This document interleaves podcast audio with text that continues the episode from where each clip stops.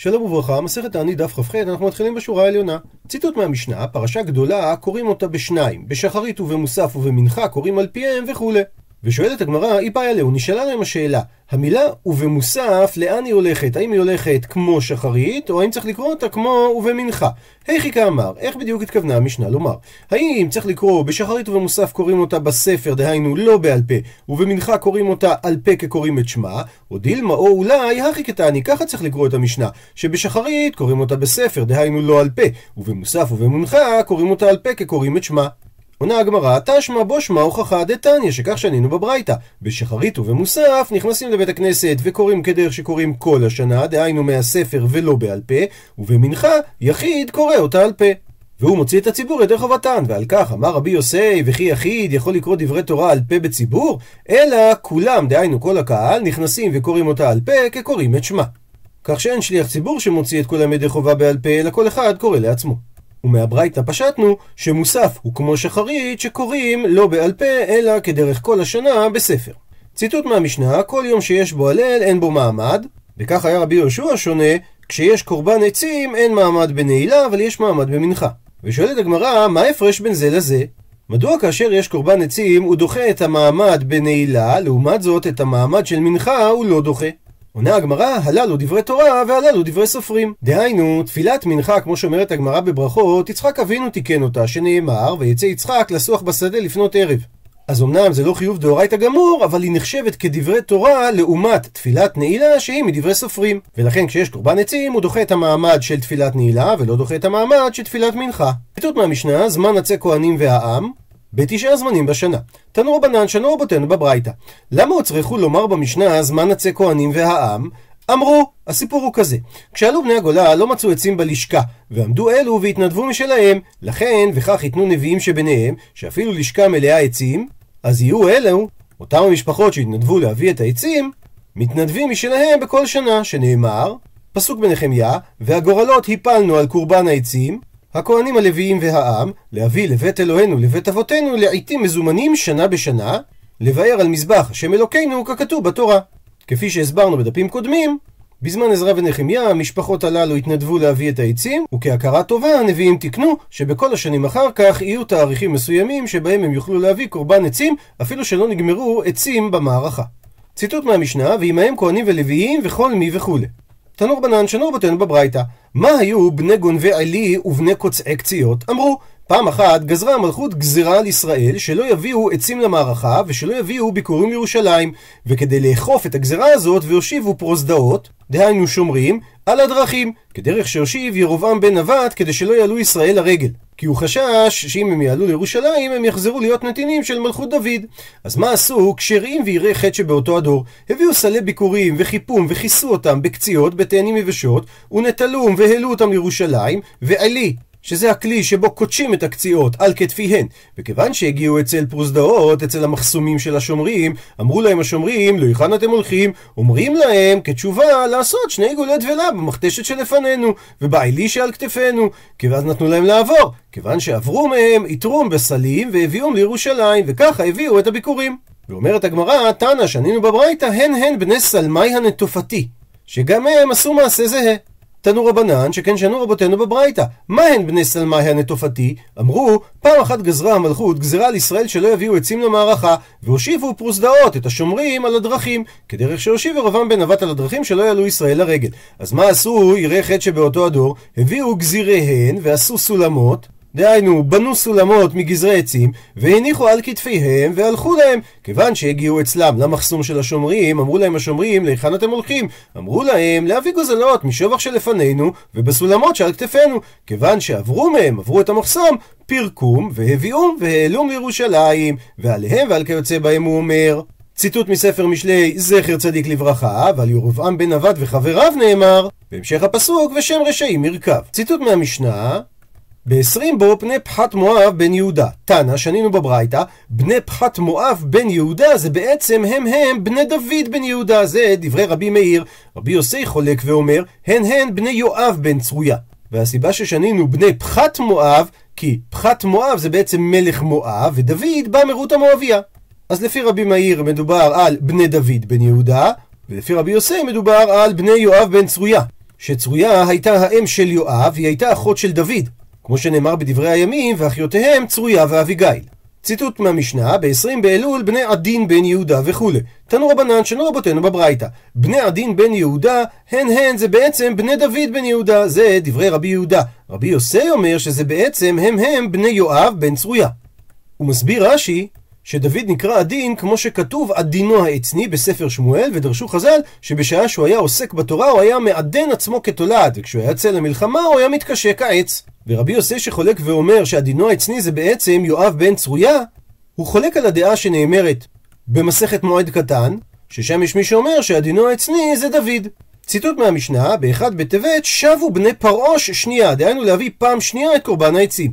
וכמו שהמשנה מציינת שבני פרעה שבו להביא פעם שנייה, אז לפי זה אומרת הגמרא, מאני מתניתין, אז המשנה שלנו כשיטת מי? לא רבי מאיר, ולא רבי יהודה, ולא רבי יוסי.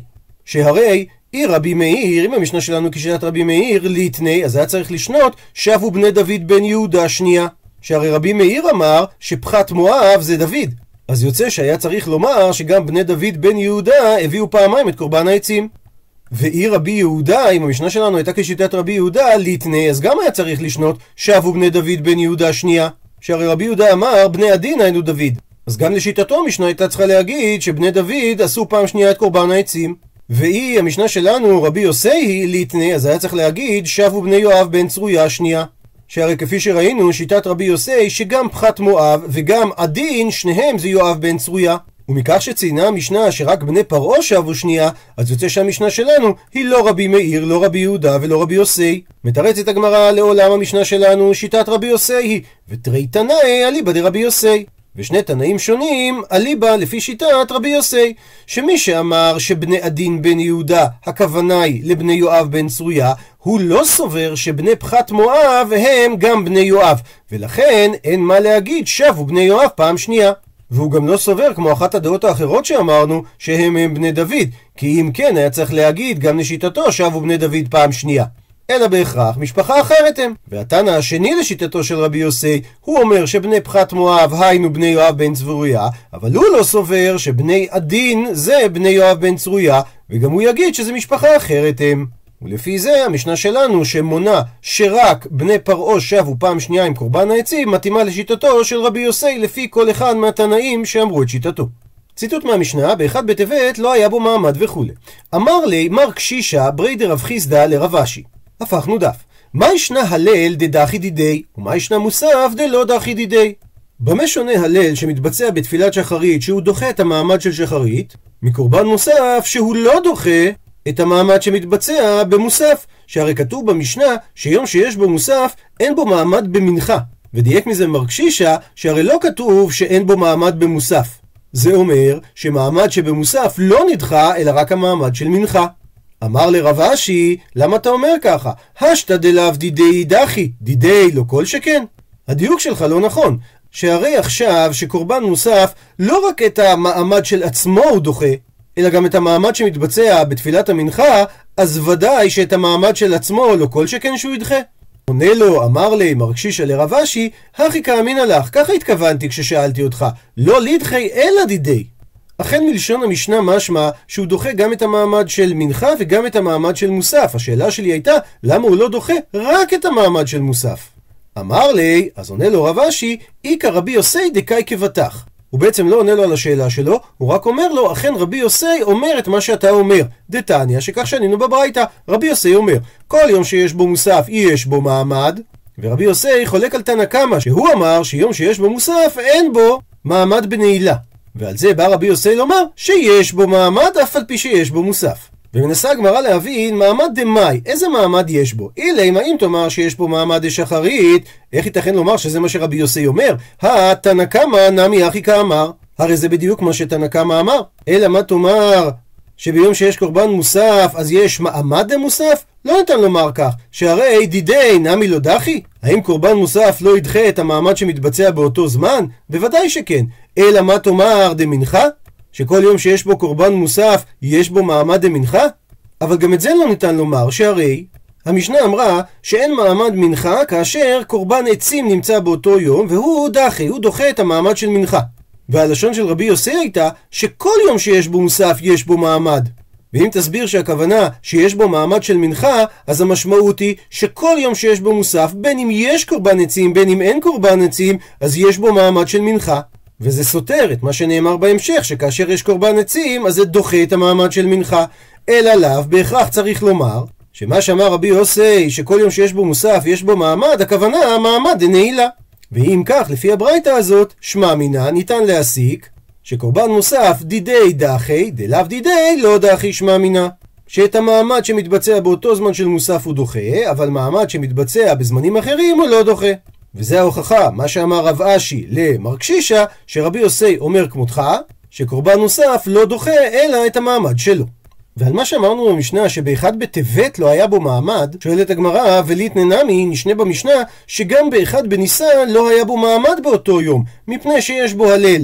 של ראש חודש שדוחה את המעמד של שחרית, יש בו וקורבן מוסף של ראש חודש שהוא דוחה את המעמד של מוסף ושל מנחה, ויש בו וקורבן עצים של בני ערך בן יהודה שהוא דוחה את המעמד של נעילה. אז למה המשנה אמרה שרק באחד בטבת לא היה מעמד? הסיק מכך, אמר רבא, זאת אומרת שהללה דברש יערכה, הלל שאומרים בראש חודש, לאו דאורייתא. שמזה שהמשנה לא כתבה שגם באחד בניסן לא אומרים את המעמד בשחרית, זאת אומרת שכן אומרים מעמד בשחרית, ולמרות שעולים הלל בראש חודש, כי הרי הלל ראש חודש הוא לא מדאורייתא אלא הוא רק מנהג. וראיה לדבר, דאמר רבי יוחנן משום רבי שמעון בן יהוד צדק. 18 יום בשנה, יחיד גומר בהם את ההלל, דהיינו אפילו אם הוא לא יתפלל בציבור, הוא מחויב לומר את ההלל. ואלו הן, שמונת ימי החג בסוכות, ושמונת ימי חנוכה, ויום טוב הראשון של פסח, ויום טוב של עצרת. ובגולה, שגם יש יום טוב שני של גלויות, אז זה לא 18 יום, אלא 21 יום. ואלו הם תשעת ימי החג בסוכות, ושמונת ימי חנוכה, ושני ימים הראשונים של פסח, ושני ימים טובים של עצרת. שתוקף אמירת ההלל בימים הללו, אם זה בימים של החג זה דאורייתא, ואם זה הלל בימים של חנוכה זה תקנת נביאים. שהרי הם תקנו שיהיו אומרים את ההלל על כל פרק ופרק ועל כל צרה שלא תבוא עליהם כשהם יהיו נגלים. ומתוקף התקנה הזאת זה נחשב כדאורייתא. אז רק בימים האלה יחיד גומר בהם את ההלל, כי כל אחד ואחד חייב לגמור בו את ההלל. מה שאין כן ראש חודש, שיחיד לא מחויב, אלא זה רק מנהג, ולכן בראש חודש ניסן כן אומרים מעמד בשחרית. ומספרת הגמרא שרב איקלה לבבל, הזדמן לבבל, חזינו והוא ראה שהציבור דקקרו הלילה ברש יחא שהם קוראים הלל בראש חודש. והם כנראה עשו כמנהג האשכנזים שהם התחילו אותו בברכה, ולכן סבר להפסוקינו. הוא חשב שהוא צריך לעצור אותה מאמירת ההלל. כמו שאמרנו, אמירת הלל בראש חודש זה מנהג ולא דאורייתא. אבל כיוון דחזה, כיוון שהוא ראה דקמדלגה דלוגי, אומר רש"י, כמו שאנחנו מדלגים, שאנחנו לא אומרים את לא לנו השם לא לנו, אלא אנחנו מדלגים ומתחילים מהשם זכרנו יברך. אז כשרב שומע את זה, אמר, שמע מינה, מנהג אבותיהם בידיהם. דהיינו שזה מנהג הגון, כי הם לא אומרים הלל שלם. הוא מסיים את הגמרא, תנא שנינו בברייתא, יחיד לא יתחיל, ואם התחיל, גומר. דהיינו, יחיד בראש חודש לא צריך להתחיל את ההלל, אבל אם הוא התחיל לקרוא את ההלל, הרי הוא צריך לגמור להגיד אותו בדילוג. ציטוט מהמשנה, חמישה דברים יראו את אבותינו בשבעה עשר בתמוז וכו'. ועכשיו הגמרא מחפשת מה המקור לכל אחד מהדברים. נשתברו הלוחות מנהלן, מהיכן אתה יודע, דתניא. שכך שנינו בברייתא. בשישה לחודש ניתנו עשרת הדיברות לישראל, זה תנא קמא. רבי יוסי אומר שבשבעה בו ניתנו הלוחות, ובכל זאת, מאן דאמר בשישה ניתנו, אז בשישה ניתנו הלוחות, ובשבעה למשה. ומאן דאמר שבשבעה ניתנו הלוחות, אז בשבעה ניתנו הלוחות, ובשבעה למשה. ושתי הדעות דורשות את אותו פסוק, דכתיב, שכתוב בספר שמות, ויקרא אל משה ביום השביעי, וכתיב שני פסוקים אחר כך, ויבוא משה בתוך הענן, ויעל אל ההר, ויהי משה בהר ארבעים יום וארבעים לילה. כלומר, לשתי הדעות אין מחלוקת על מה שאומרת המשנה, שבי"ז בתמוז נשתברו הלוחות. אז לפי החשבון שהגמרא תעשה עוד רגע, יוצא שכולם אומרים שבשבעה בסיוון עלה משה להר. ואומנם אין לנו פסוק מפורש שאומר שבשבעה הוא עלה להר, שהרי כתוב וישכון כבוד השם על הר סיני ויכסהו הענן ששת ימים, ויקרא אל משה ביום השביעי. ופשט הפסוק הוא לא שבעה בסיוון, אלא ביום השביעי מאז ששכן כבוד השם על הר סיני. בכל זאת, יש מי שדורש במסכת יומא שמדובר על שבעה בסיוון, כי זה אחרי מתן תורה היה. ועושה הגמרא את החשבון. 24 דסיוון ושיצה ועוד 16 ימים דתמוז, מלו להו, זה יוצא ביחד 40. כמו שאמר הפסוק, שמשה היה בהר 40 יום ו-40 לילה. אז אם נספור 40 יום משבעה בסיוון, יוצא שבשבשר בתמוז, בי"ז בתמוז, נחית, ירד משה מההר, עתה ותברינו ללוחות. והוא בא למחנה ישראל ושבר את הלוחות שהיו בידו. וכתיב, וכך כתוב, ויהי כאשר קרב אל המחנה, וירא את העגל, וישלך מידיו את הלוחות, וישבר אותם תחת ההר. זאת אומרת שהמחלוקת של תנא קמא ורבי יוסי, האם מתן תורה היה בו' בסיוון או בז' בסיוון, לא משפיעה על ספירת 40 היום שמשה עלה בהר, כי לדעת שניהם הוא עלה להר סיני בז' בסיוון, וירד מההר בי"ז בתמוז. האירוע השני שמוזכר, שבטל התמיד, אומרת על כך הגמרא שהמקור לזה זה גמרא, דהיינו, מסורת שכך קיבלנו מאבותינו. האירוע השלישי, הובקעה העיר. שואלת על כך הגמרא, בי"ז נווה? האם זה היה בי"ז בתמוז? והכתיב? והרי כתוב בספר ירמיה, בחודש הרביעי, שזה חודש תמוז, בתשעה לחודש ויחזק הרעב בעיר, וכתיב בתרי, וכתוב אחר כך, בפסוק העוקב, ותיבקע העיר. אז אם כך, זה לא היה בי"ז, אלא בט' בתמוז. עונה על כך, אמר רבא, לא קשיא, אין סתירה. כאן בראשונה, כאן בשנייה. דהיינו, הפסוק בירמיה מתאר את החורבן שהיה בבית ראשון, והוא אכן היה בתשעה לחודש. אבל תקנת חכמים הייתה לפי מתי שהובקעה העיר בחורבן השני, דתניא, שכך שנינו בברייתא. בראשונה, דהיינו בחורבן הראשון, הובקעה העיר בתשעה בתמוז. בשנייה, בחורבן השני, הובקעה העיר בשבעה עשר בו. והאירוע הרביעי, שרף אפוסטומוס את התורה, המקור לכך גם הוא גמרא, דהיינו במסורת קיבלנו מאבותינו. האירוע החמישי העמיד צלם בהיכל. ורש"י על המשנה הסביר שזה לא מתייחס לאפוסטומוס, אלא על הצלם שהעמיד מנשה בהיכל. שכך מפורש בתרגום ירושלמי על הפסוקים השמיים כיסאי בספר ישעיה. ושואלת הגמרא, מנהלן, מה המקור לכך שגם זה קרה בי"ז בתמוז? עונה הגמרא, דכתיב, פסוק בספר דניאל, ומעת הוסר התמיד ולתת שיקוץ שומם. דהיינו שבעת שהוסר והתבטל התמיד, באותו היום ניתן שיקוץ שומם, דהיינו הוא עמד צלם בהיכל. שואלת על כך הגמרא, וחד הווה? האם רק צלם אחד היה בהיכל? והכתיב, והרי יש פסוק נוסף בדניאל שאומר, ועל כנף שיקוצים משומם. והמילה שיקוצים, מיעוט רבים, לפחות זה שניים, זה אומר שלפחות שני שיקוצים היו שם. נהיה על כך, אמר רבא, אכן תרי אבו, היו שני שיקוצים ששמו בהיכל. אלא מה? ונפל חד על חברי ותבר אלה לידי. אחד נפל על החבר שלו ושבר את היד שלו, או בלשון הנוסח של רש"י, וקט אל ידי, קטע את היד שלו, אז הנקטע, או זה שנשברה לו היד, לא החשיבו אותו, ולכן כתוב שהוא עמד רק שיקוץ אחד בהיכל. ואיש תקח ומצאו דהה וכתיב, שהיה כתוב על אותו יד שנשברה, או אפשרות אחרת שהכתיבה הייתה על הצלם השלם, הפכנו דף, אז הנוסח שהיה כתוב אנט צווית לחרוב וביתה, שהצלם אומר לחברו, אתה רצית להחריב ביתו של מקום, על ידי זה שהיטית ישראל שיעבדו אחריך עבודה זרה, ידע חשלימת לי. אז נעשתה בך נקמה ונקטעה לך היד. עד לכאן דף כ"ח.